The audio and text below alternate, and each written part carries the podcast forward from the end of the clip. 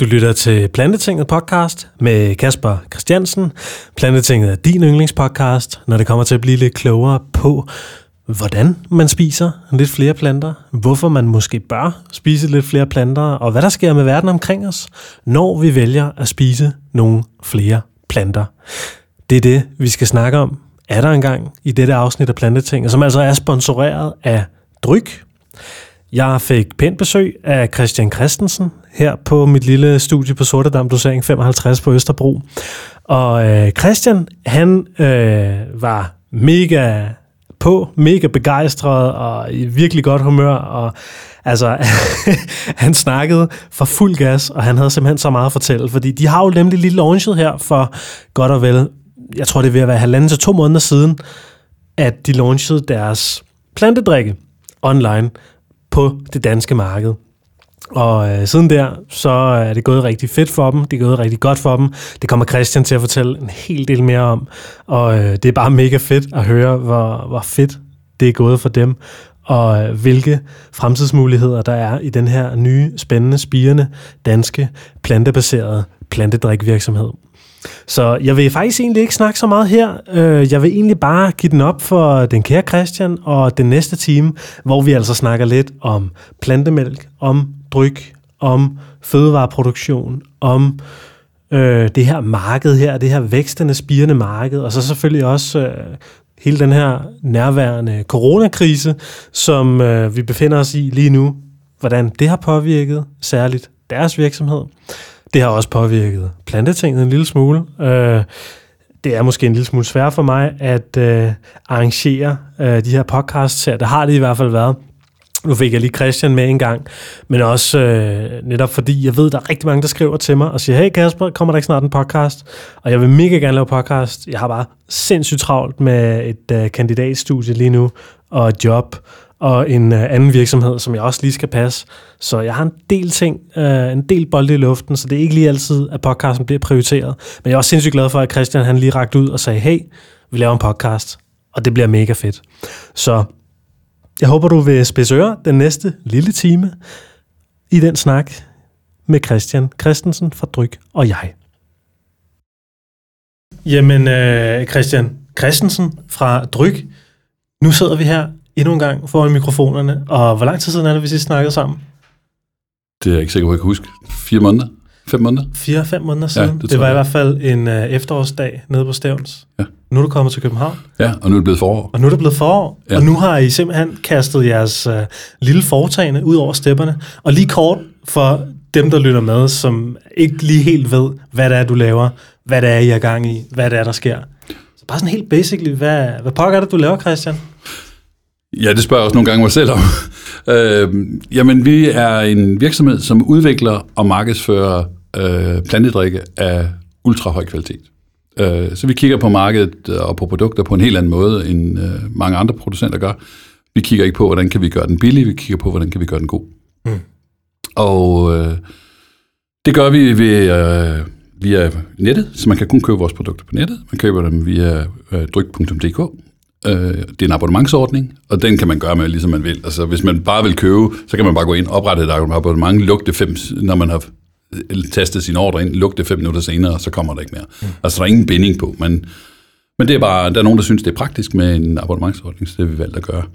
Og så er det selvfølgelig også for at undgå at komme ind i detailhandlen, som bare er rigtig svær at være i for sådan nogle producenter. Øh, der er rigtig stor kamp om, øh, om hyldepladsen derude, og det vil vi gerne undgå. Vi vil meget gerne kende vores kunder. Og det er noget, du har erfaring med, detailhandlen? Ja, jeg har siddet i øh, tre år i uh, Coops innovationsafdeling, uh, hvor jeg sad som teamchef med ansvar for det danske varer, eller for lokale varer, som det hed dengang. Og, og det var egentlig også, da jeg fik ideen til at lave det her projekt. Jeg vidste så ikke, at det ville tage næsten tre år at komme på markedet, fra når vi besluttede, at det var det, vi skulle, til vi rent faktisk sad her. Og nu er I på markedet. Ja. Og hvornår var det, I launchede det her øh, drykprojekt for alvor, sådan så kunderne de kunne komme ind og, og købe de her produkter? Øh, det altså spørge mig om datoer, det er, det er ret svært. Nu sidder Marina med så det kan være, hun kan huske det. Nå, det kunne du heller ikke. så, øhm, nej. Øh, var det ikke en vi, 20. Øh, marts? Jo, det var sådan der omkring. Altså, det var, det var tre dage før øh, corona krisen brød ud. Altså før, før man lukkede landet med coronakrisen. Så man, hvis man kan snakke om timing, så var det godt nok tæt på. Altså det var tre dage før. Hvad, hvad har det gjort for, for hele den launch? At I launchede tre dage før, at Danmark lukkede ned? Ja, men jeg ved ikke, om det har... Altså, det ved man jo ikke. Men jeg kan bare sige, at øh, der har jo været rigtig, rigtig mange, som har haft tid til at lave Instagram-opslag, til at være på Facebook, til at øh, lave opskrifter. Og så, så vi har fået rigtig, rigtig meget opmærksomhed på sociale medier. Mm. Egentlig uden at gøre ret meget. Mm. Og, og det kommer vi også til at, at vi, altså, vi har simpelthen brug for vores kunder, fordi vi har ikke råd til at gå ud og købe annoncer i børsen. Uh, det er slet ikke den måde, vi, vi vil markedsføre os på. Mm. Uh, vi vil gerne være meget tæt på vores kunder. Vi vil gerne have, at uh, vi har et, et stærkt værdifællesskab med vores kunder. Altså, så, så den her grønne omstilling, det skal være det, der driver det. Mm. Og det kan vi også se. Altså, jeg vil våge den påstand, at der er meget få produkter i markedet, der har været genstand for så ekstrem opmærksomhed på alt fra råvarer, emballage, øh, forsendelse, altså alt. Altså vores, vores kunder har simpelthen været det hele igennem fra ende til anden. Og jeg vil sige, at vi har jo haft rigtig god tid til at lave det, og jeg har foreløbig ikke mødt noget, så der er ikke nogen, der er kommet og sagt noget til os, som vi ikke havde tænkt over før. Og det er jeg egentlig ret stolt af, at vi havde, vi havde tænkt det her projekt rigtig godt igennem. Øh, og har fået, fået for det første skabt nogle produkter, som jeg synes er fantastiske, og det synes vores kunder også. Jeg tror, jeg fortalte det lige inden vi startede her, mm.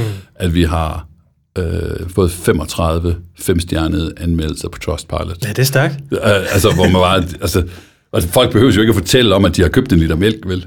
Men, men det, det siger bare noget om, at her er der et værdifællesskab, og det er bare en kæmpe hjælp for os. Altså, når mm. folk går ind og, og laver den der, det betyder simpelthen noget, at man kan gå på Trustpilot og se, at her er der, er der nogle andre, der har haft en positiv oplevelse, fordi man skal tage den der beslutning om at købe seks af gangen. Ja. Øh, fordi det, det kan simpelthen ikke betale sig at sende en liter. Ja. Øhm. Det tror jeg også bare, hele det her øh, altså segment, som I sælger til, primært det her øh, vegetariske, mm. veganske segment, altså der er en enorm stor øh, tillid hos dem, og en enorm stor kærlighed. Ja. Det er i hvert fald min oplevelse. Nu har jeg også selv en, en webshop, hvor jeg også har noget Trustpilot på, og, og det kan godt være, at jeg ikke leverer 100% hver gang, mm.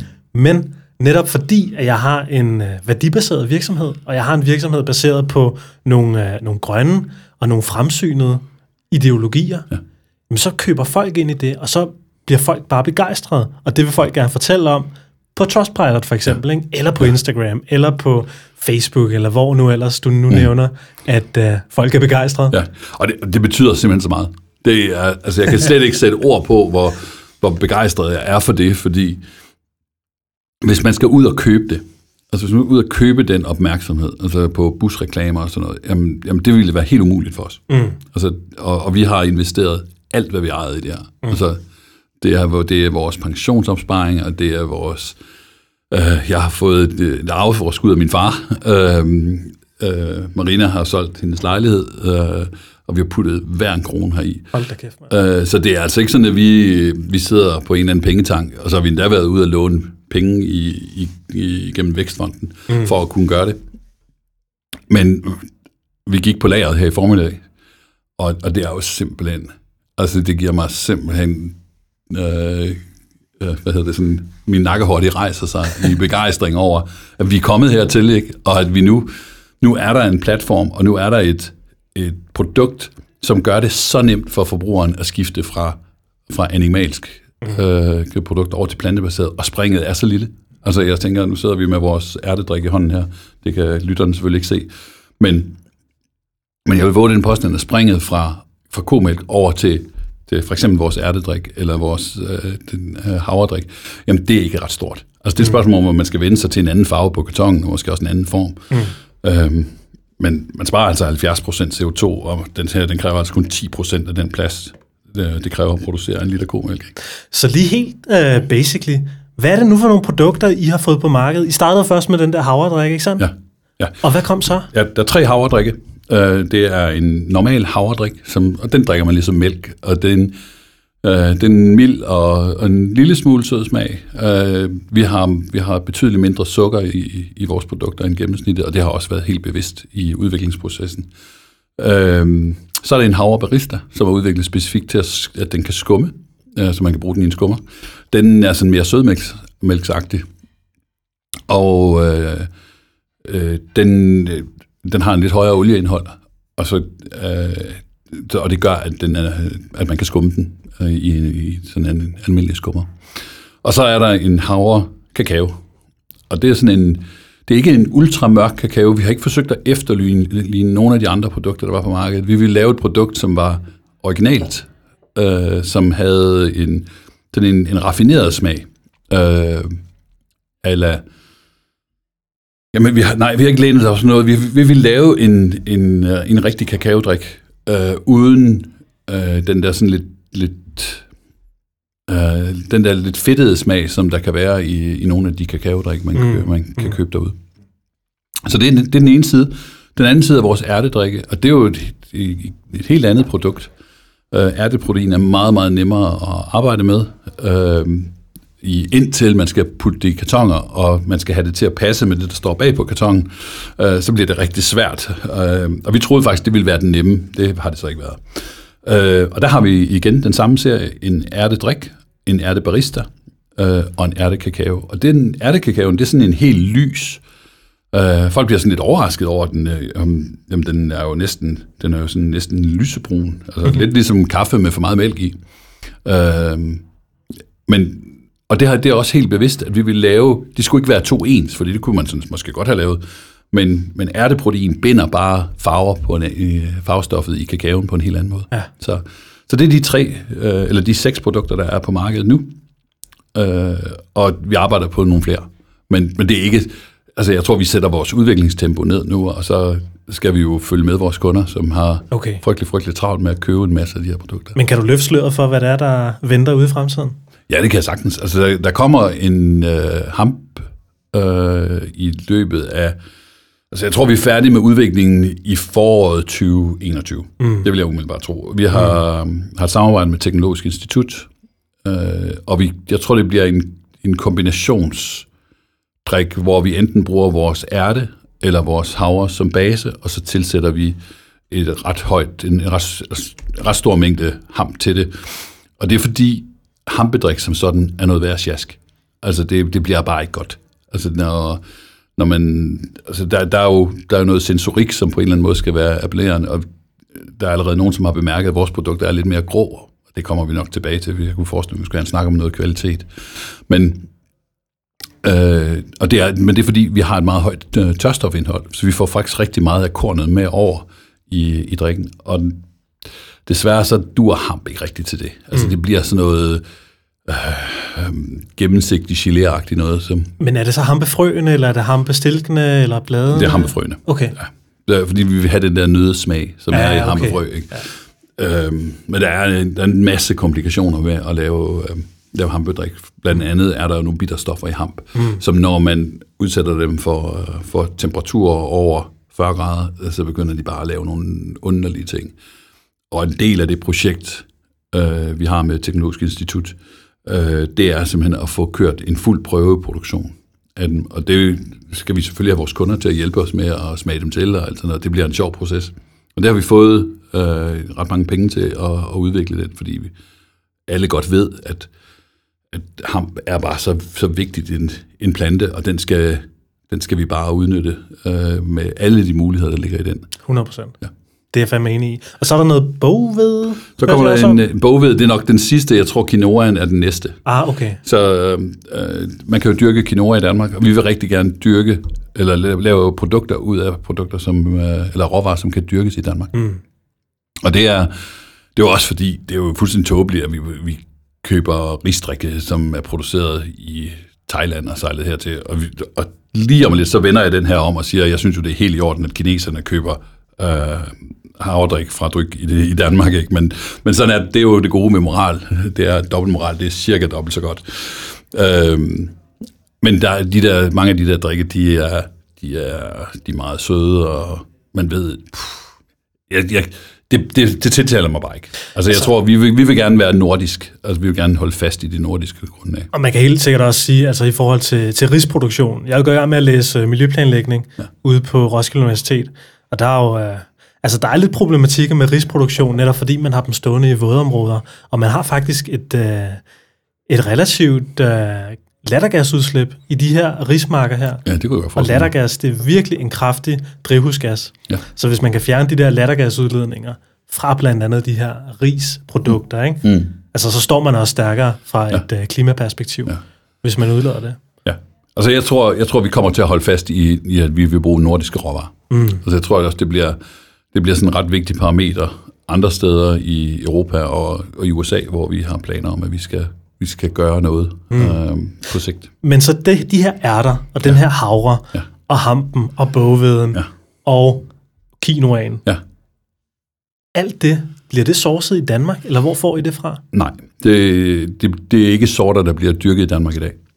Øh, det, er noget, det, det er en dialog, vi har med vores svenske producent. Ærterne er faktisk øh, øh, dyrket i Frankrig, og det er, det er jo vildt ærgerligt, men, men man kan simpelthen ikke, den, det ærteprotein, eller de ærtersorter, man dyrker i Danmark, de duer simpelthen ikke til det her. Øh, og det er noget, man skal udvikle. Øh, man kan sige, miljøbelastningen er ret begrænset, fordi vi, når vi kører sådan en tankbil fra, øh, fra det nordlige Frankrig øh, og herop, så er der til rigtig, rigtig, rigtig meget. Så, så hvis du sammenligner det med, altså det er jo, det er jo kun koncentratet, altså, mm. og, det- og det er ikke koncentrat, når man laver juice. Man laver, det er en, det er en ærtebase, øh, og den base, den, den er så koncentreret, så, øh, så det er, der er virkelig, virkelig mange liter på sådan en tankbil der. Øh, vil jeg gerne have, at de blev dyrket i Danmark? Ja, sgu. men, men det kan man altså ikke, Okay. okay. øh, som det er lige nu. Øh, med hensyn til havren, øh, så bliver den dyrket i et bælte, fra, som går hen, man kan sige sådan en stregen øh, over det sydlige Finland, hen over Mellemsverige, øh, det sydlige Norge og Nordjylland. Øh, og grunden til, at vi bruger øh, havre for det, for det område, det er de sukkerstoffer, som udvikles i havren i, i den, her på den nordlige del af, af havrens udbredelsesområde. Øh, de, er, mm, de har nogle meget mere interessante smagsvarianter, end, end det, man kan lave, hvis man dyrker det under varmere himmelstrøg. Og det gør også, at de bliver ikke nær så søde, fordi der selvfølgelig ikke bliver nær så meget sukker i dem. Mm. Så, så, så havren er, er sourcet i, primært i, i Sverige og i sydlige Finland. Vi har en enkelt producent i Nordjylland. Øh, men vi ved, og det må jeg bare være ærlig om, at vi ved ikke, øh, om, det, om det, der kommer fra ham, havner i vores. Altså det er sådan lidt tilfældighedernes spil. Altså vi okay. spiller ind i en meget stor maskine. Øh, så vi, har ikke, øh, vi kan ikke sidde og, og sådan pege på den enkelte producent og sige, det, Okay. det, er- det er ham der, der har produceret til os. Og det er heller ikke nødvendigvis en fordel, men, øh, fordi der er så stor forskel på, på havre, og det skal man bare kunne, det, skal, det kan producenten i, i Sverige, det kan de er meget bedre til at håndtere, end vi, end vi bliver. Øh, og så må vi se den dag, hvor vi skal bygge hvor, en fabrik i Danmark og producere det her, hvilket jeg selvfølgelig synes, man skal. Øh, jamen, så må vi se, hvad, hvad kan vi så gøre. Mm. Men For lige lige nu- nu, så er det i Sverige, det bliver produceret. Ja, det bliver produceret i Tingsrød øh, hos en, en virksomhed, som hedder Transums Foods. Øh, og det er en, en elgammel øh, fødevareproducent. Mm. Øh, de er stiftet en gang i 50'erne. Og øh, de har været med til at udvikle Oatlys øh, originalopskrift inden tilbage i 1988. Og de producerer for øh, fire øh, brands på global plan, hvor vi så er det ene af dem, og helt klart den mindste. Øh, men jeg tror, det hvis, man, hvis jeg sådan skal, når jeg snakker med deres direktør, så tror jeg egentlig, det er også, han er gladest for.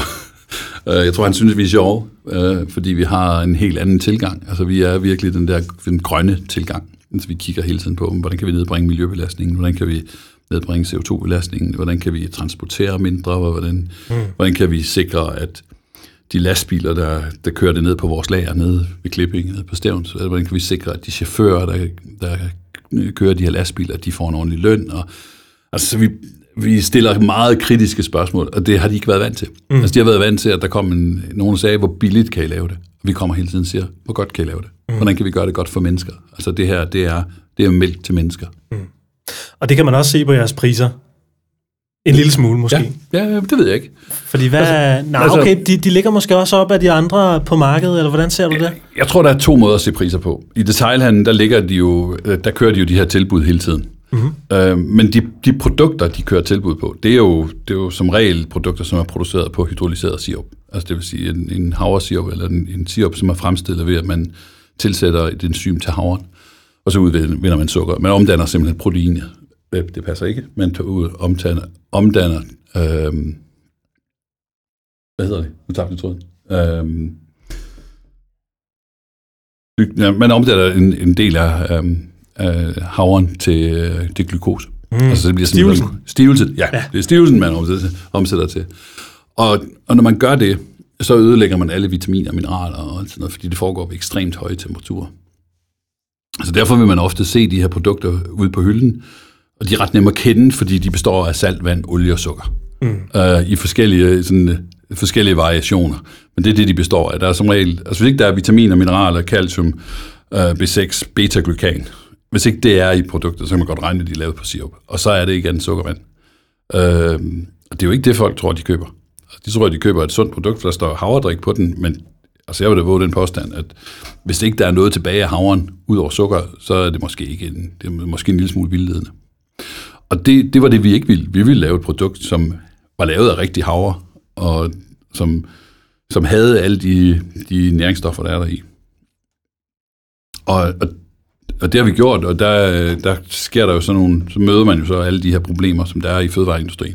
Jeg har været i fødevareindustrien en helt del år efterhånden, og jeg kan sige så meget, at jo mere man interesserer sig for det, jo flere paradoxer kommer man til at møde. Mm. Altså for eksempel synes jeg jo, det er fuldstændig bizart, at en som mig, som i overvis har haft til at stå på min LinkedIn-profil, økologiaktivist.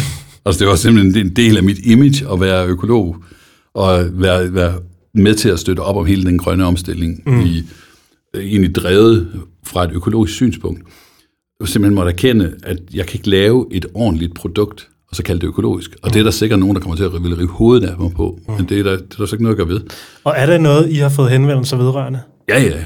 Ja, ja, ja vi har haft mæreriforeninger og alt muligt på nakken. Men hvad er det, og jeres kunder for eksempel siger, når de kommer og spørger, hvorfor er det ikke økologisk? Jamen, jamen selvfølgelig. Altså, selvfølgelig kommer de og spørger. Ja. Øh, fordi det, det er jo...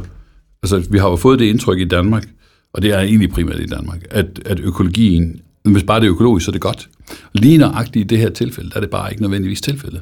Altså fordi her, øh, der, det er sådan, at til et økologisk produkt må der ikke tilsættes vitaminer og mineraler øh, så ryger økologicertificeringen med det samme.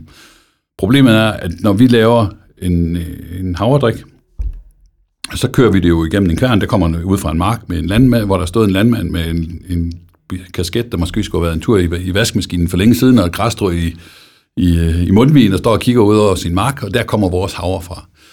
Så bliver det kørt ind på, på, den her, øh, på det her anlæg op i Sverige, så bliver det kværnet, bliver det kørt igennem nogle store pumper, som, som har sådan nogle med diamantplader, hvor man, hvor man maler det.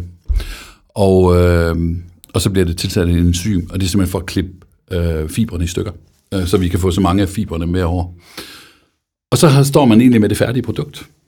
Øh, problemet er bare, at det er jo vidt forskelligt fra gang til gang, fordi den her havre kan jo være dyrket et sted, hvor man bruger husdyrgødning, eller den kan være dyrket et sted, hvor man, hvor man kun bruger kunstgødning, eller det gør man så ikke, hvis det, når det er økologisk havre, men, øh, men der, kan være, der kan være et sted, hvor der er sandjord, eller et sted, hvor der er, der er meget kalk i jorden. Og så får man altså bare et produkt, som er vidt forskelligt, med vidt forskellige nærings, næringsstofindhold. Så når vi står med det her produkt efter, øh, i, i den her tank, inden det skal køres i kartongerne, så er vi nødt til at måle, hvor meget, hvor meget vitaminer, hvor mange vitaminer, calcium og B12 øh, er der i det. Og det, der mangler for, at det passer med det, der står på bagsiden af kartongen, for det skal vi selvfølgelig overholde, øh, det er vi nødt til at toppe op med. Aha. Og i den proces, i det øjeblik, og det kan nogle gange være en spiseskefuld. Altså, jeg har set poserne op, sådan 20 tons, altså det svarer, altså det er meget sjældent, det er mere end det, der svarer til sådan en halv kilo mel. Mm. Altså, der går i, i 20 tons. Men det gør så, at så ryger økologicertificeringen med det samme. Og det synes jeg selvfølgelig er dybt uretfærdigt. For, specielt fordi jeg har kæmpet for økologien i så mange år. Og, og det gør jo, at jeg, jeg nu står i sådan et underligt vadested, hvor jeg den ene dag, så synes jeg bare, at økologien er det mest fantastiske, for det er den på rigtig mange måder. Mm. Og så samtidig, så må jeg bare erkende, at hvis jeg ville lave det produkt, jeg gerne ville, så kunne jeg ikke lave det økologisk af den her grund. Men det er måske også, fordi vi har nogle bekendtgørelser omkring de her økologicertificeringer, der måske er en smule forældet, eller måske ikke helt er tidsvarende. Altså, jeg kunne godt øh, i et lukket forum, hvor der ikke var nogen, der lytter med, som her, øh, så kunne jeg godt pege på nogen, som kunne have en voldsom interesse i, at øh, det bliver ved med at være, som det er nu. Og som det ser ud lige nu, så bliver de ved med at have magt til at bestemme det et stykke mm. tid nu. Mm. Og, og det gør så, at vi bliver nødt til at gå ud og fortælle vores kunder, øh, at det, jamen, det er sådan her, vi gør. Og det kan man finde ind på vores hjemmeside. Det ligger inde i FAQ. Øh, fane nummer to, der er der en beskrivelse af, hvorfor, at, hvordan det her det hænger sammen, og det, men den er meget vel, velkommen til at gå ind og læse mm. på, på tryk.dk. Mm. Ja. Så man kan blive klogere på jeres øh, forsyningskæde, man kan blive klogere på jeres øh, grundprodukter, som de her øh, dryk består af. Ja. Hvad, hvad for noget andet viden kan man få, hvis man gerne vil dykke ned i det her? Hvad er det for nogle andre spørgsmål, I plejer at få omkring jeres produkter og jeres nye tiltag? Jamen, det er jo, det er jo rigtig meget emballage. Altså, der, der er slet ingen tvivl om, at emballagen er exceptionelt vigtig, og vi har, vi har jo været, jeg vil sige, verden rundt for at kigge efter emballager.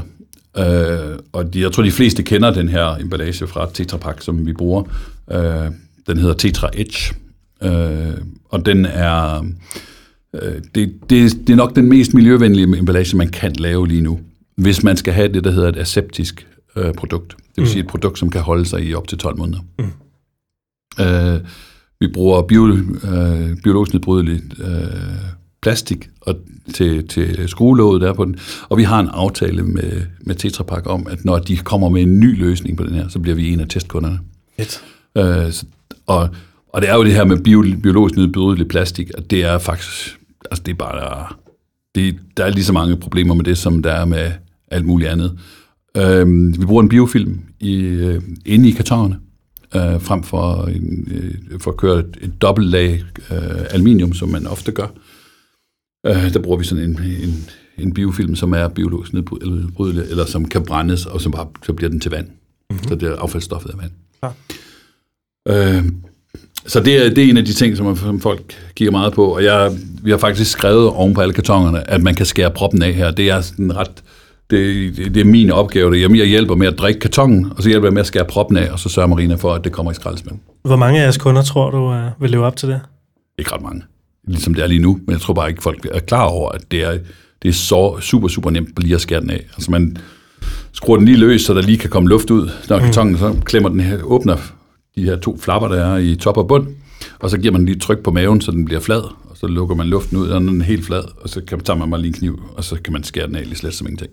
Altså, den er simpelthen lavet til, at den her inde under, mm. inde under kapslen der, der er den meget, meget tynd. Ja. Uh, og så kan man bare skære den af. Uh, og så smider man den der i, i, uh, i plast, og den her i um, småt brandbart, eller hvad det nu hedder det, restaffald. Sådan ah. Ja. Så så det er smart. Det ja, er det er, det er skidesmart. Jeg tænker, vi, skal nok, vi laver nok nogle videoer med, hvordan man gør. Ikke? Ja, det skal fordi, I gøre. Fordi det er jo det, det er super nemt. Også fordi jeg tænker, sådan, hvad er den rigtige måde at gøre det på? Og hvor skal låget hen? hvis det skal et andet sted hen end resten af kartongen. Ja. Ikke? Det er sådan det spørgsmål, jeg står med, når ja. jeg kigger på den, og der ja. står, skal jeg låget af? Ja. ja, men du skal simpelthen bare et, et, et snit ind under der. Og det er simpelthen, jamen man lægger bare kniven fladt ned på den, den nu flade karton, ikke? og så skærer man den bare lige stille. Altså det, jeg har set på Instagram. Husk at skære væk fra sig selv. så. Ja, ellers så får man ikke sit knivbevis fra, fra Spejderkorpset. Nej, det gør man ikke. Hvad det, det hedder? Jeg så på Instagram, hvor I jo også har været aktive, eller hvor jeres, øh, hvad kalder man det? Det er vist vores følgere, der er, jeres følgere, der er aktive. Der er aktive. De er meget aktive. Vi er, altså, det vælter ind. Altså, det er jo... Så, så, og det er sim, vi er simpelthen så glade for det der. Altså, jeg har altid grinet lidt af de her folk, der er lidt yngre end mig. Altså, nu er jeg jo 24, ikke? Uh, plus en masse måneder. øh, der går og kigger på Instagram hele tiden, og jeg har tænkt, det er da simpelthen så åndssvagt, det er jo bare billeder, ikke? Og så opdager man bare, at der er et helt univers. Og, og vi har jo været så privilegeret, at der er nogle af de her folk, som har hjulpet os med at bygge vores eget univers, og vi, vi er sådan ved at finde vores ståsted igennem, hvad er det for, hvad er det for nogle temaer, vi gerne vil have, og hvad er det for nogle farveskalaer, vi gerne vil have, og pludselig så opdager man bare, der er nogle af de der unge mennesker, som er fuldstændig fantastiske. Jeg bliver, jeg bliver helt vildt fascineret over, mm. hvad de kan gøre med enkeltbillederne, de bliver sat sammen. Ja, der er, der er lige en Instagram-profil, jeg gerne vil anbefale, i forhold til hele det her med plantebaseret fødevare. Uh, I kender Toge fra Like Meat, ikke? Ja. I skal gå ind og kigge på Like Meats Instagram-profil. Mm. Sådan rent visuelt og billedmæssigt. Mm der er den helt fantastisk. Ja. Altså, fordi jeg sidder nemlig selv og laver nogle uh, sociale medier for en anden plantebaseret virksomhed. Ja. Og, og der kigger jeg på dem og tænker, fordi de fandme, og ja. kæft, det ser skarpt ud. Ja. Men, uh, men ja. Jeg, jeg tror, jeg jeg tror faktisk, jeg ved, hvem der laver det der for dem. Jeg, ja, det ved jeg også godt. ja, snakker vi Johanne? Nej, hedder han ikke, er det ikke Line? Jeg tror, det er Nå. Line, der laver for Like Jeg, jeg, tror, jeg, jeg ved, jeg har bare fået en henvendelse fra en. Så, ja. Og det er også lige meget, men, men det er rigtigt, der er nogle rigtig, rigtig fede profiler derude, og jeg kender også Toge fra, fra, fra Like Me, ikke? og en fed virksomhed. Ja. Altså, og det er jo, hvis vi lige springer et, et kort øjeblik, kan vi lige springe væk fra, fra plantedrikke, og så snakke plantebaserede virksomheder. Øhm, og noget af det, som jeg synes er helt fantastisk, det er jo det meget tætte samarbejde, der er i, i mellem plantebaserede virksomheder. Altså jeg, jeg ser ikke nogen af de andre som konkurrenter. Og jeg tror faktisk heller ikke, de ser mig som konkurrent. Det har de i hvert fald ikke nogen grund til, fordi der er jo rigelig plads til os alle sammen. Mm. Men jeg, jeg oplever en, øh, et nærvær i, i relationerne, som er anderledes, end det jeg har prøvet nogen andre steder. Altså mm. hele den der konkurrenceparameter, den forsvinder, fordi det er jo ikke det, det handler om. Det handler om grøn omstilling. Det handler om, hvordan skal, hvordan skal vi sikre, at ja, der går på universitetet nu, at, at I også har en sommer næste sommer, ikke? Altså, at, øh, at vi, vi kommer helskindet igennem den krise, vi er i nu, og at vi får, vi får brugt den til det, som den jo kan, netop få os til at stoppe op og se på, hvordan kan verden se ud, hvis vi ikke har kun har den, den man kan sige, økonomiske vinding som mål. Og vi har jo en lang række bundlinjer i, i den plante, eller i plantebranchen, som jeg, at, at vi har jo både en, der er selvfølgelig en økonomisk bundlinje, fordi det får hjulene til at løbe rundt. Men vi har også en, en grøn bundlinje. Hvor lidt, hvor lidt kan vi påvirke miljøet? Hvor meget CO2 kan vi spare? Hvor mange indlæggelser kan vi spare på hospitalerne? Hvor mange mennesker kan vi kan undgå at få hjertekarsygdomme, fordi de spiser nogle, nogle øh, sundere produkter og sådan noget. Så der er jo en hel masse bundlinjer, som man, øh, som man har i en grøn virksomhed, øh, som man ikke har i en, i en voldsom kommersiel virksomhed. Mm. Øh, og det viser sig jo også, at, at den grønne branche, tror jeg egentlig, det, det, det, det den er, at den er jo exceptionelt god til at mobilisere sine kunder. Altså, vi har jo en tæt relation til vores kunder, vi kender dem. Altså, når jeg, jeg går ned på lageret og, og pakker varer, mm. jamen, så er det jo, så kender jeg, det der, det er Marie, og det der, det er Anja, og det der, det er Morten, og det der, det er Christoph, og det, altså, vi, vi, vi ved jo, hvem de er. Mm. Og mange af dem har vi talt med.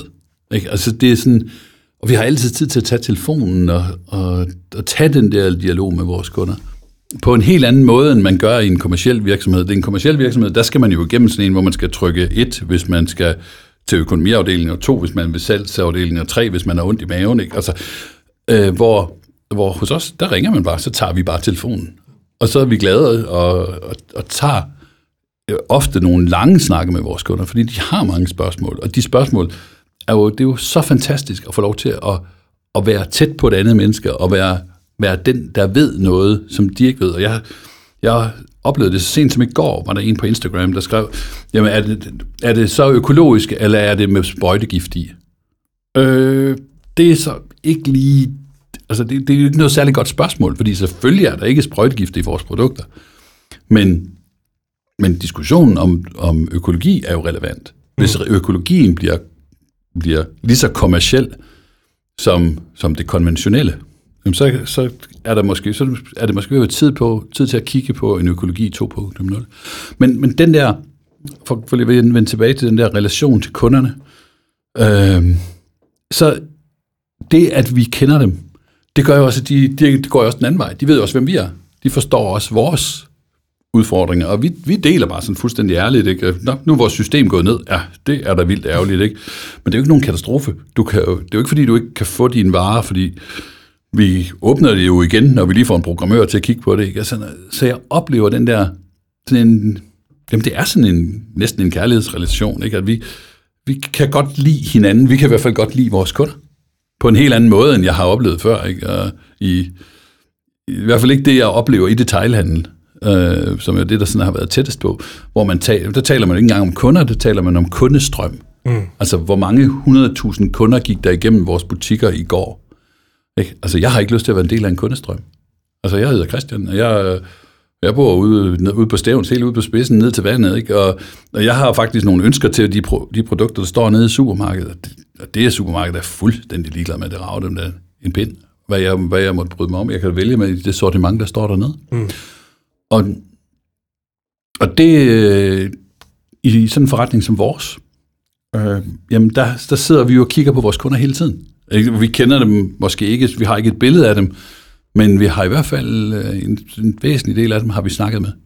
Og, og når, når, de, når de fanger os på chatten, jamen så er vi der jo, det er jo lige meget om det er klokken 23 om aftenen, eller om det er klokken 7 om morgenen, altså så, det, hvis der er nogen, der er vågne, jamen så svarer vi. Mm. Øhm, og... Ja, det betyder også fandme meget, har jeg lagt ja. mærke til. Er du sindssyg? Ja. Hvis man kan komme hurtigt ud til sine kunder, ikke? Ja. det er sådan noget, de husker i... Uh, jamen altså, ja. det er, det, og det er jo også noget, jeg synes er fedt som kunde, hvis jeg skriver til en virksomhed på chatten, mm. og bare får svar med det samme, ikke? også på en søndag ja. nogle gange. Ikke? Ja. Det er bare sådan noget, der kan redde ens dag. Jamen, det er det, og jeg synes også, altså, det, det er jo ikke sådan, vi lukker jo ikke forretningen øh, klokken 4. Altså, den, den lukker aldrig, den kører hele tiden. Den er jo åben ude på nettet, og folk kan jo bestille varer på alle tider af døgnet. Så kan det jo ikke hjælpe noget, at vi siger, nu klokken 4. Mm. Så lukker vi laptopen, og så nu, nu skal vi drikke kaffe, eller også skal vi gå en tur i skoven. Det kan godt være, at vi skal. Men så har vi da lige sikret, at der sidder nogen et andet sted, som er klar til at, at passe chatten, mens vi lige væk. Det er ikke sikkert, at der er nogen, der skriver, men der er nogen. Mm. Og Altså, jeg, jeg var lige inde på, vi har et lille kontor herinde i, inde i byen, inde i Goddersgade, og jeg var lige inde og snakke med, med de tre folk, der sidder derinde. Og der sidder Brian, som sidder og passer chatten, og, og man kan sige meget om Brian. Uh, han er en skøn, skøn, skøn gut, uh, og han elsker bare at snakke med folk. altså, han, han er simpelthen bare sådan en, han er sådan en stor bamse, der bare, han elsker bare at snakke med folk, og han elsker bare, han bare kan have, alle er glade. Og det, og hvis det koster et karton kakaomælk, så må det gøre det. Altså, hvis der er nogen, der ringer, de er sure, så er det første, hvor jeg siger, ved du hvad, jeg sørger lige for, at der kommer et karton kakaomælk med næste gang. Og det er selvfølgelig ikke en opfordring til alle vores kunder om at ringe og være sure, fordi for at få kakaomælk. men, men det er bare sådan, han er. Ikke? Og, og vi, er, vi er exceptionelt dedikeret til at, at, at passe på vores kunder og være, at være tæt på. Fedt. Og jeg håber aldrig, at vi bliver sådan en multimilliard virksomhed, øh, som ikke har tid til at, at kigge efter sine kunder, og hvor jeg skal sidde i et eller andet direktionskontor, og, og så skal få en eller anden rapport fra, fra en eller anden, der kommer og siger, jamen vi havde så så mange henvendelser, så begynder man at måle på, hvor mange henvendelser, og hvor lang tid brugte vi på at tale med kunden, og kunne det betale sig og sådan noget. Altså, det bliver ikke på min vagt. Mm. Så. Vi ser jo lige nu et kæmpe marked. Jeg tror, i sidste uge så jeg, at Tise Mejeri ja. begyndte at øh, markedsføre havredrik. Mm. Og så øh, ser vi nu også, øh, det er så ved at være et stykke tid siden, men Arla også er ved at lancere et, et jordprodukt. Ja. Og vi ser lige pludselig en, øh, en flodbølge af plantebaserede drikke mm. skylle ind over det danske land. Hvad gør I for at differentiere jer på det marked? Jamen, vi er slet ikke med i det marked. Okay. Det er slet ikke, det er slet ikke vores marked. Altså, øh, vi, for det første så kigger vi ikke ret meget på konkurrenter. Fordi man kan ikke man kan ikke være, man kan ikke være unik, hvis man hele tiden sidder og kigger på, hvad ens konkurrenter gør. Øh, vi vil gerne den grønne omstilling. Og den grønne omstilling, den, den øh, kræver, at øh, Tise og Arla og Danish Crown og alle dem der, at de begynder at kigge på, hvordan kan de lave plantebaserede produkter. Og jeg synes, de skal rive fingeren ud af gaskanalerne i en frygtelig fart og se at komme i gang. Og vi byder alle velkommen. Altså, jo flere, jo bedre. Øh, fordi det er det, der skal til. Øh, ikke for vores skyld, men for vores børn og børnebørns skyld. Altså, der er det det, der skal til. Mm. Og man kan sige, det her, det er jo i den grad drevet af forbrugerne. Det er jo det er forbrugerne, der har krævet de produkter. Det er jo ikke, det er jo ikke fordi, de sidder over i Tise og, og siger, om det er da en god idé at lave, lade os da lave plantedrikke. Ja, det er da fordi, de kan, de kan have det set skriften på væggen. De ved da godt, det ikke har, at komælk ikke har nogen fremtid. Altså, det er ikke, det er ikke et spørgsmål, om vi drikker komælk om, om 20 år. Det er et spørgsmål om, hvad vi bruger de køer til, som ikke længere producerer mælk, for det gør de ikke. Mm-hmm. De kommer til at afgræsse vores naturarealer, de kommer til at, det bliver en helt, helt anden måde, vi ser dyr, øh, brugen af dyr på. Og, og det, det fik jeg udtrykt forkert, det misbruget af dyr. Og jeg er ikke hardcore veganer på nogen måde, men jeg synes, det, der foregår i det industrialiserede landbrug, det er noget forbandet svineri. Og det kan vi simpelthen ikke være bekendt. Og derfor skal vi stoppe. Og jeg anerkender jo også, at vi kan jo ikke bare lukke Tise, og vi kan jo ikke bare lukke Arla. Jamen, så skal de jo finde på noget andet at lave, og det er bare se at komme i gang. Mm. Og de er hjertelig, hjertelig velkommen. Og hvis det, hvis det betyder, at vi får et mindre marked, jamen, så gør det ikke noget. Det er helt okay. Mm. Øh, hvis, hvis bare vi får gang i den her grønne omstilling. Og jeg synes jo, at hvis man, hvis man kigger på landbrugets ambitioner om grøn omstilling, altså så er det så uambitiøst, som man næsten ikke kan være i det. Altså, de vil være CO2-neutrale i 2050. Det er jo helt gratis at sige det. Altså, det er jo... Ja, de, der, alle de der på direktionsgangene, de ja, døde bort til den tid. Ja, de er døde borte, og der, der er ikke nogen, der kan huske det. Øhm, Klart. Og den... Vi vil gerne lave, gøre en forskel i dag. Ikke i morgen. Øh, det vil vi også gerne. Men i lige nøjagtigt i dag, mm. der vil vi gerne have, at der er flere, der vælger de her produkter, mm. frem for at gå ned og købe en liter komælk. Og det er det vigtigste. Det er, det er, og det ved jeg da godt, at det synes Mejeriforeningen og øh, mejerierne rundt omkring i verden sikkert ikke er særlig sjovt. Men det er bare det vigtigste, fordi den produktion, den er bare ikke bæredygtig. Mm. Og det bliver vi nødt til at lave om på. Mm. Og det tror jeg, det, det, er jo, altså det er jo derfor, at Arla går ud og, og, og laver øh, jord, og det er derfor, at Tise laver deres havremælk med mere, og øh, lurer mig om ikke, der kommer flere. Det gør der nok. Det, gør det, de, det, de alle sammen kommer til at opleve, det er, det svært. Altså, det, det er ikke noget nemt produkt at producere. Det har vi i hvert fald oplevet i den her proces, altså, hvor vi troede, det her, det er jo bare at tage en skål fuld havre og smide den i en spand vand, og så lade den stå i en uge, og så lige køre den gennem kværn, og så i nogle kartonger, ikke? Altså, og sådan er det bare ikke. Altså, det er virkelig høj teknologi, der, der skal til, og, og det er noget med, øh, altså, hvordan, altså, man skal kunne høre det, man skal kunne mærke det, det et levende produkt. Mm. Øh, og når jeg går sammen med, øh, med, jeg skal lige slukke min telefon her, så vi ikke Øhm, når jeg går sammen med, med folkene op på fabrikken i, i Sverige, så bliver jeg simpelthen så imponeret over det der med, at så er der lige sådan en tekniker, som ikke er tekniker. Han har bare, han har bare lavet havredrik i så mange år, som, så han, øh, altså alle kigger på ham og tænker, hvordan gør du det der? Og så tager han sådan en skruetrækker og stikker skaftet ind i øret og sætter den ned på en pumpe for at høre, hvordan den der pumpe den kører. Hold da kæft, mand. Og, og det at den måde, han lytter til den pumpe, det til at afgøre, hvad det er, der er i vores kartoner. Og det synes jeg simpelthen er så fantastisk. Og det er det her med... Det er jo håndværk. Det er håndværk. Det er mennesker, der laver det. det, er, det er jo, og jeg, kan, jeg bliver simpelthen så begejstret, fordi jeg tænker bare, at der er nogen, der kan det. Og den der måde, sådan jeg har set ham øh, stå deroppe og, med den der skruetrækker, og så til sådan en ung lærling der, der også lige forstår, kan du, kan du ikke høre? På så på svensk, det kan jeg så ikke. Men, men, øh, men, men det er den der begejstring. Den der, det der med at have en kærlighed til produktet, at bygge det ind i markedsføringen og ind i den måde, man håndterer sine kunder på, og den måde, man taler i det, i det offentlige rum på. Den kærlighed, den skal man kunne mærke. Kan du fortælle mig lidt om øh, fremtidsvisionerne for hele det her drykprojekt her? Nu øh, mm. fortalte du mig, da du kom her på, øh, på Sortedam-dosering, at øh, det var gået lidt over forventning måske med jeres øh, salg. Ja, det kan man vist roligt sige. altså det er jo, øhm, når, man, når man laver sådan et projekt her, og putter så mange beskattede kroner, fordi det er jo beskattede kroner, de penge, vi har sparet op øh, til at gå på pension med, og vi, vi er ikke, vi er ikke sådan pensionsklare endnu, men, men vi har ikke så mange år tilbage som så mange andre. Øh, så, så er det... Jeg skal lige have spørgsmål en gang til. Jamen altså bare sådan, hvad... Nå, ja, det, det går skide godt nu, ja, men hvad, også fremadrettet. Ja. Hvis, hvis, uh, hvis den her kurve, salgskurve, som du fortalte mig om, den fortsætter, du stod ja. og, og pegede uh, lige op mod loftet her. Så skruer vi prisen op til 35 kroner literen. Nej, det gør vi ikke. Øhm, jamen, hvad er det, vi gerne vil? Altså, vi vil gerne være, vi vil gerne være markedsledende på kvalitet. Vi vil gerne være et højkvalitetsbrand. Øh, og det vil vi gerne være til en pris, som alle kan være med på. Altså, vi skal ikke være overdrevet dyre. Hvis, vores, hvis den her skulle stå i, i Coop, så vil den koste 26 kroner, så er der ikke nogen, der vil købe den. Øh, så kunne vi selvfølgelig vælge at, at sætte prisen ned, men så ville vi ikke kunne leve af det. Så det, det er så meget. Så kunne vi ikke have medarbejdere, så kan vi ikke lave markedsføring. Og, øh, så vi er nødt til at have den her direkte kontakt til forbrugerne i Danmark. Mm. Og det vil vi blive ved med at have i al fremtid. Og det er jo, jeg synes jo, det er sjovt, at nu kan jeg jo se, at detailhandlen holder meget grundigt øje med min LinkedIn-profil. Det synes jeg er ret, ret sjovt, fordi de jo, det var dem, der sagde nej, da jeg kom med det første gang. Men det er så, hvad det er. Øhm, så vil vi gerne ud på verdensmarkedet. Vi, vil, vi tror på, at vi har et produkt, der er, der er så godt, så det er der andre, der, vil, øh, der, der synes er interessant.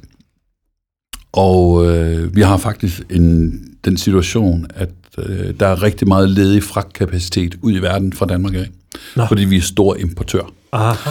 Så, så der er mange skibe, der sejler andre steder hen i verden, med næsten, som er næsten tomme, og de sejler jo alligevel. Øh, så derfor vil vi gerne kigge på, på verdensmarkedet, vi, øh, og vi kigger i øjeblikket øh, grundigt på Kina. Vi har en kæmpe stor aftale i Kina, øh, i samarbejde med vores svenske producent. Øh, den kommer jeg til at løfte sløret for lidt, lidt senere på året, vil jeg tro. Og øh, så har vi, den, vi har fået den første ordre fra Singapore mm. øh, i sidste uge. Vi har en, en potentielt meget stor kunde på Taiwan. Øh, vi har en, en lille virksomhed i Polen, som kigger på vores produkter. Vi har en, en, en meget garvet fødevare øh, CEO i Tyskland, som kigger på vores produkt. Så vi vil gerne ud på nogle af de her markeder, og man kan sige, det store marked, der hvor vi skal være fremadrettet, det er i USA. Uh, øh, og det skal vi, fordi uh, amerikanerne, modsat deres politikere, er i fuld gang med den største omstilling af deres fødevareproduktion nogensinde. Altså i, i siden industrialiseringen er der det, der sker i USA, det er så interessant. Mm. Altså at folk begynder at lave mad. De begynder at vælge grønne produkter. De kigger på CO2-aftryk. De kigger meget mere på kalorier, end de har gjort deres. Det her med fede amerikanere, det, det er simpelthen, de er simpelthen i gang med at lægge hele deres fødevareproduktion om, eller hele deres, deres måde at se på fødevare, lægge mm. den om. Og det er vanvittigt interessant. Og der er vi i fuld gang med at rekruttere en landeschef til USA. Øh, og det venter vi os ret meget af. Øh, så, vi, så vi er vi er et dansk firma, vi vil være lokale her, og vi vil altid have det her som vores hjem.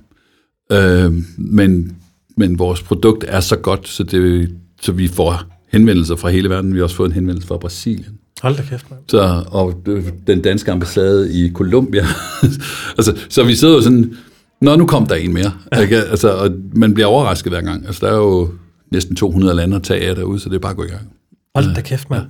Så om, om vi hvordan strategien skal være for det. Altså lige nu, der er den jo ad hoc. Der tager vi jo bare dem, der kommer. Ikke? Altså, jeg synes, det er sjovt og spændende, og jeg har arbejdet med eksportsalg i, i mange år, så det, sådan, det er min boldgade.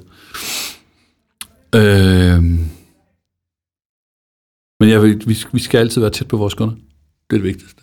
Altså, og vores kunder skal føle, at, at det, det, er, øh, det er troværdigt, det vi laver, og at, øh, at hjertet er på det rette sted. Og jeg tror, at en af de ting, jeg sagde sidste gang, vi talte sammen, det var, at jeg ville så gerne den dag, min, øh, mit barnebarn Lille, hvis hun kom en dag og sagde til mig, ved du hvad, morfar, jeg kan ikke få børn, fordi jeg har været udsat for pesticider, eller jeg har, der, hvorfor passede I ikke på klimaet dengang, hvor I kunne? Altså, så kan jeg sige til hende med god samvittighed, jeg gjorde alt, hvad jeg kunne. Mm. Og det, øh, det er den samme reaktion, som jeg havde sidste gang. Det, det, er, det er det vigtigste for mig. Det er simpelthen at, at sørge for, at hun i hvert fald kan se tilbage og sige, min morfar, han gjorde. I har været på rejsen ja. i knap to måneder nu. Ja. Hvad er det, der har overrasket jer mest ved de her sidste to måneder her? Hvad, hvad er det, der springer i øjnene nu? Jamen, det er jo, det er jo kunderne.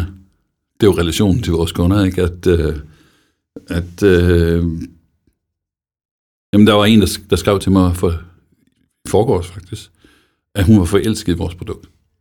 Altså det er fandme da, altså det er da helt vildt. Det er da helt vildt, at der er nogen, der, der kan mærke det igennem sådan en karton, der kan mærke, hvor meget hvor mange følelser, der har været lagt i det her, hvor mange kræfter, der har været lagt i det her. Jeg kan garantere for, at det her, det er ikke bare noget, man gør. Altså hvis der er nogen, der tror, at det her det er bare et spørgsmål om at ringe til en leverandør og sige, dag, jeg vil gerne købe noget hjertedrik, og vil lige putte det i en karton for mig, og så skal det leveres på den her adresse, så bliver man langsomt klogere. Altså, fordi det har godt nok kostet blod, sved og tår. Øhm, og det tror jeg godt, øh, vores kunder kan mærke. De kan godt mærke, at det her det er sgu autentisk. Altså her er, det er ikke bare hånden på kogepladen, det er også den anden ende, Mm. der er solidt placeret på kogepladen. Øh,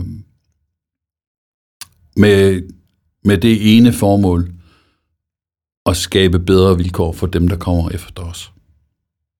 Øh, så man kan sige, det er ikke, øh, det er ikke på nogen måde selvisk. Altså, det har aldrig været, det har aldrig været drevet og, øh, af, nogen, altså, af grådighed eller en, en forventning om at få pengene tilbage eller sådan noget. Det har været drevet alene af, at vi simpelthen er nødt til at lave nogle produkter, som gør det super, super nemt for forbrugeren at skifte fra animalsk til plantebaseret. Mm. Det, er den eneste, det er den eneste vej frem. Der er, der er ingen andre. Jeg har brugt efterhånden mange år på fødevarer, og, og selvom, øh, altså jeg hører jo jeg Salør fra Danish Crown sige, at de vil være bæredygtige, og de vil være CO2-neutrale og sådan noget, og det er jo en fis i en hornlygt, for det kan ikke lade sig gøre. Ved du hvad? Jeg kørte øh, forbi deres slagteri i Sæby her for, for lidt siden. Mm. Der, hænger, der hænger sådan en banner over deres indgang øh, på slagteri i Sæby. Ved, ved I, hvad der står der? Nej. Der står, nu tjekker du ind til en bæredygtig fremtid. Er det ikke vildt? Og det er, det er, men det, og det er jo det, altså, Og det, er, Det gør man ikke. Det, det, der, det er jeg helt chokeret over. Ja. Og det er også, jeg synes også, det er vildt, han har, han har fået sat sig i en position for de der øh, regerings klimapartnerskaber. Men øh, ja, lad os ikke snakke for meget om det. øhm, men, men det er, altså det er jo, det er jo det, der er så fantastisk, det er, at det her, det er ikke bare en ærtedrik eller en havredrik. Altså det er meget, meget mere. Altså det er, det er et værktøj til grøn omstilling. Men jeg tror også bare, hvis man skal sætte sig ned, som I har gjort, og knokle røven ud af bukserne i tre år, uden at vide, altså kommer det her igen, sker der noget, hvad sker der, ikke? Ja. Altså man bliver nødt til at arbejde for noget, der er større end en selv, ikke? Ja. Du kan ikke bare gøre det for din egen bundlinje, eller for din egen profit. Altså, så, så kan du ikke finde energien til det. Det er i hvert fald også det, jeg har fundet ud af med de ting, jeg laver i mit liv. Altså, jeg skal være drevet af noget, der er større end mig selv. Ellers så kan jeg ikke finde energien mm. til, at, til at gøre det, der er rigtigt, og det, der er vigtigt. Hvor den, den, den type virksomhed, som vi talte om før, de har ingen fremtid. Det tror jeg. De har ingen fremtid. Altså, og de ved det godt, og derfor er det, altså når man går ud og siger, at man vil være bæredygtig i 2050, så er det jo i erkendelse af, at man ikke kan blive det før. Og det er jo så det tætteste, man kan komme på at sige, at vi bliver det aldrig. Men i 2050, så er vi det, og så er jeg her jo ikke mere altså på direktionsgangen. Ikke? Der er ikke nogen, der tror på det. Og den, den troværdighed, den, øh, den, den er bare alfa og omega. Altså hvis ikke, hvis ikke forbrugerne tror på produktet og på, på det hjerte, der slår bagved, så kommer de ikke til at købe det i fremtiden. De kommer til at stå og kigge på hver, hvert eneste produkt, kommer til at blive vejet på en, på en guldvægt. Øhm, og, og så bliver det vurderet på, jamen er det her, er det, kan jeg stå inden for det her? Vil jeg slå det her op på Instagram? Vil jeg slå det her op? Vil jeg dele det her på Facebook, at jeg har det her stående? Vil jeg stille den her karton på bordet den dag, jeg har mine veninder eller kammerater øh, på besøg til brunch, eller en håndbajer med, noget- med noget kaffe, ikke? vil jeg så stille den her karton på bordet og signalere den det, jeg gerne vil. Og hvis ikke den gør det, så kommer man ikke til at købe den. Det er så simpelt. Mm. Og det er det, vi gerne vil med, med vores, og derfor har vi lagt enorme kræfter i designet. Ikke? Altså, det har jo været vel næsten den, bedste, den, den væsentligste del af det her, det har jo været at få den, at få den lavet, så, så, så, så den signalerede nogle ting, altså sådan en nordisk enkelhed, øhm, med nogle meget simple budskaber, altså det glæde til ganen for, øh, det glæde for ganen til gavn for verden, ikke? altså det skal smage godt, og det skal være til gavn for verden. Mm. Og så det her med, vi, vi har sådan et tema, der hedder natur til hverdag. Vi får, det her det skal være et naturligt produkt, og det skal være en helt fuldstændig natur, naturlig del af hverdagen. Øh, og det bliver det kun, hvis det smager godt, og hvis det er produceret ordentligt, og det er ordentlige mennesker, der sidder bagved. Og det, det synes jeg faktisk er lykkes. Jeg skal ikke vurdere mig selv, men jeg kan vurdere de andre, der sidder med i, på vores lille team her. Altså, jeg er fandme stolt af at arbejde sammen med dem. Det må jeg sige. Altså, de står... De, de giver den godt nok en skalle. Øh, og det gør de jo, fordi det, det føles rigtigt. Så det er fandme stort. ja, det er det, det sådan er det også. altså, og jeg vil... Jeg, ja, det er, det er bare stort. Ej, jeg, jeg er simpelthen så glad på jeres vegne, at det, at det går så skide godt for jer, som det gør. Mm. Det, det må jeg sige. Så jeg kan fortælle, hvis vi sådan skal kigge på, på vækstrater i vores lille bæks her. Så har vi været i gang i to måneder. Og øh, på den sidste uge, der har vi har, vi har jeg, ah, det er ikke, altså vi har, vi har haft en ret pæn omsætning. Jeg gider ikke lave tal, men jeg kan fortælle, at vækstraten er sådan, at vi på den sidste uge har omsat for 33, 33 procent af vores indtjening i de sidste to måneder, den ligger inden for den sidste uge. Og det har været rigtig godt. Altså det har vi, altså, og det er vi glade for, fordi vi har over 200 paller med plantedrik, der står på lageret nede, nede i Klippingen, så vi er jo, det er jo helt fantastisk, at folk nu, nu køber det og synes, det er fedt, og øh, samarbejderne med, med vegetarisk forening og vegansk forening, og hvad de ellers hedder alle sammen. Ikke? Altså, det, det, har, det har vi ikke snakket så meget om, men vi har jo lavet aftaler med de her øh, foreninger, fordi noget af det, de mangler, og det er jo dem, der har drevet den grønne omstilling, det, skal man jo, det glemmer vi jo ofte. Vi tror jo ofte, det er politikerne. Det er det jo ikke. Det er jo NGO'erne, der har, der har lavet hele arbejdet. Og øh, vi har lavet en aftale med, med de der foreninger om, at hver gang et af deres medlemmer øh, køber en liter plantedrik for os, så får de en krone.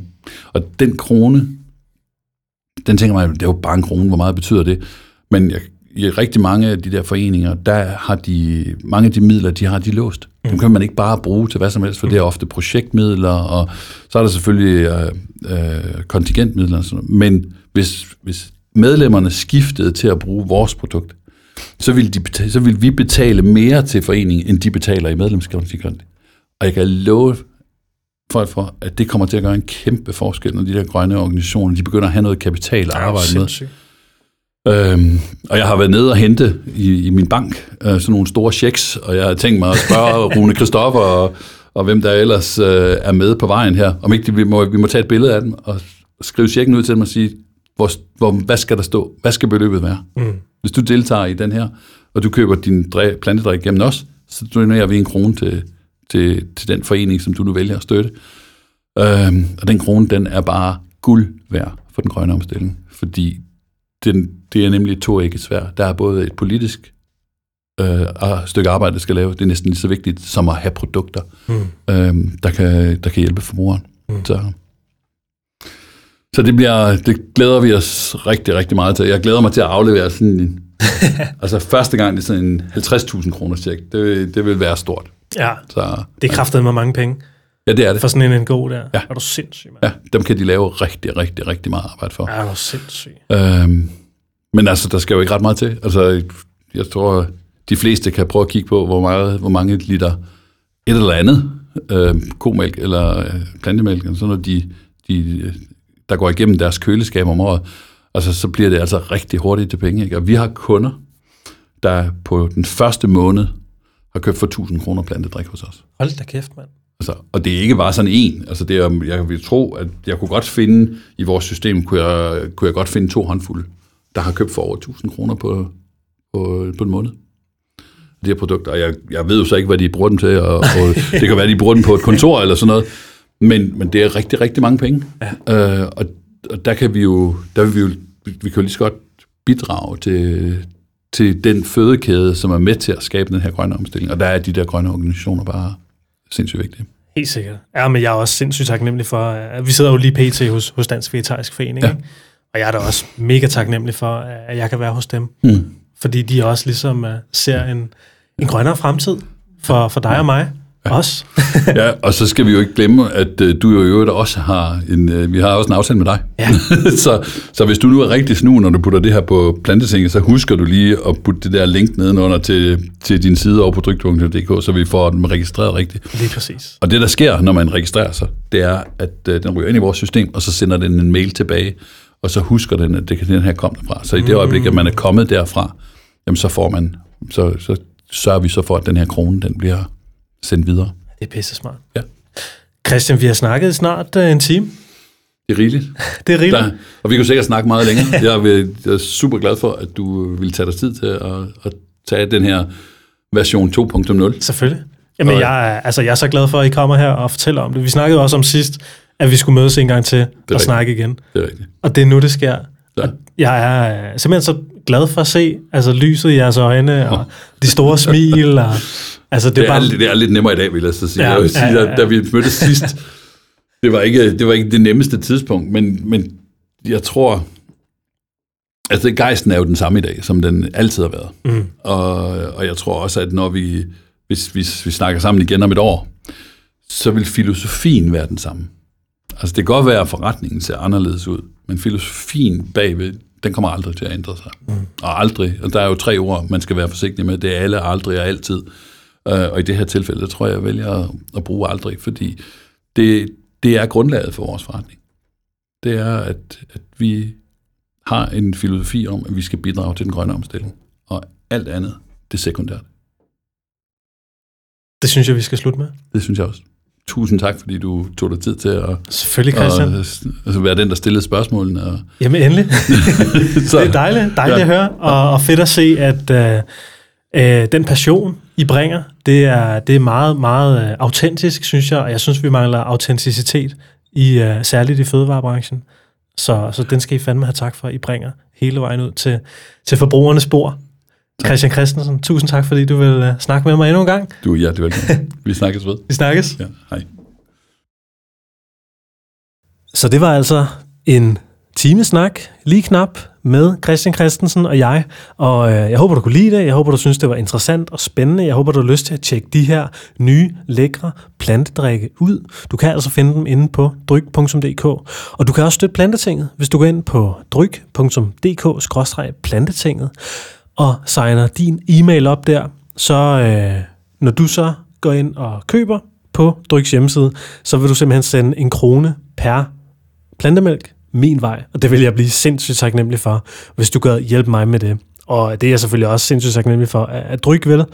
Om ikke andet, så lægger jeg også linket til, hvor du kan øh, finde det i beskrivelsen til den her podcast her. Udover det, så håber jeg også, du måske har lyst til at støtte mig på det, der hedder tier. Det er altså det, der hedder planetinget.tier.app, hvor du altså kan støtte med et vilkårligt beløb per podcast, der udkommer. Og øh, ja, det vil gøre det nemmere for mig at drive den her podcast her. Så det håber jeg, du har lyst til. Og selvfølgelig, naturligvis, tusind, tusind tak til alle jer, der allerede støtter. Det betyder rigtig meget, og det, øh, det gør sådan, så den her podcast her faktisk kan løbe rundt. Øh, den er lige ved at være gået i nul, den her podcast nu her, så det er jeg mega taknemmelig for. Øh, der er lige gået nogle år før, den gjorde det, men øh, sådan er det jo med sådan nogle ting her. Så, så tak til jer, det er jeg mega taknemmelig for. Så jeg håber, at I har lyst til at støtte, og så håber jeg ellers bare, at I får en øh, dejlig dag derude. En dejlig grøn dag med masser af god, lækker mad og lækker forår, og så håber jeg snart, at vi bliver lukket ud af vores øh, karantæneskjul alle sammen. Kan du have det godt? Hej hej.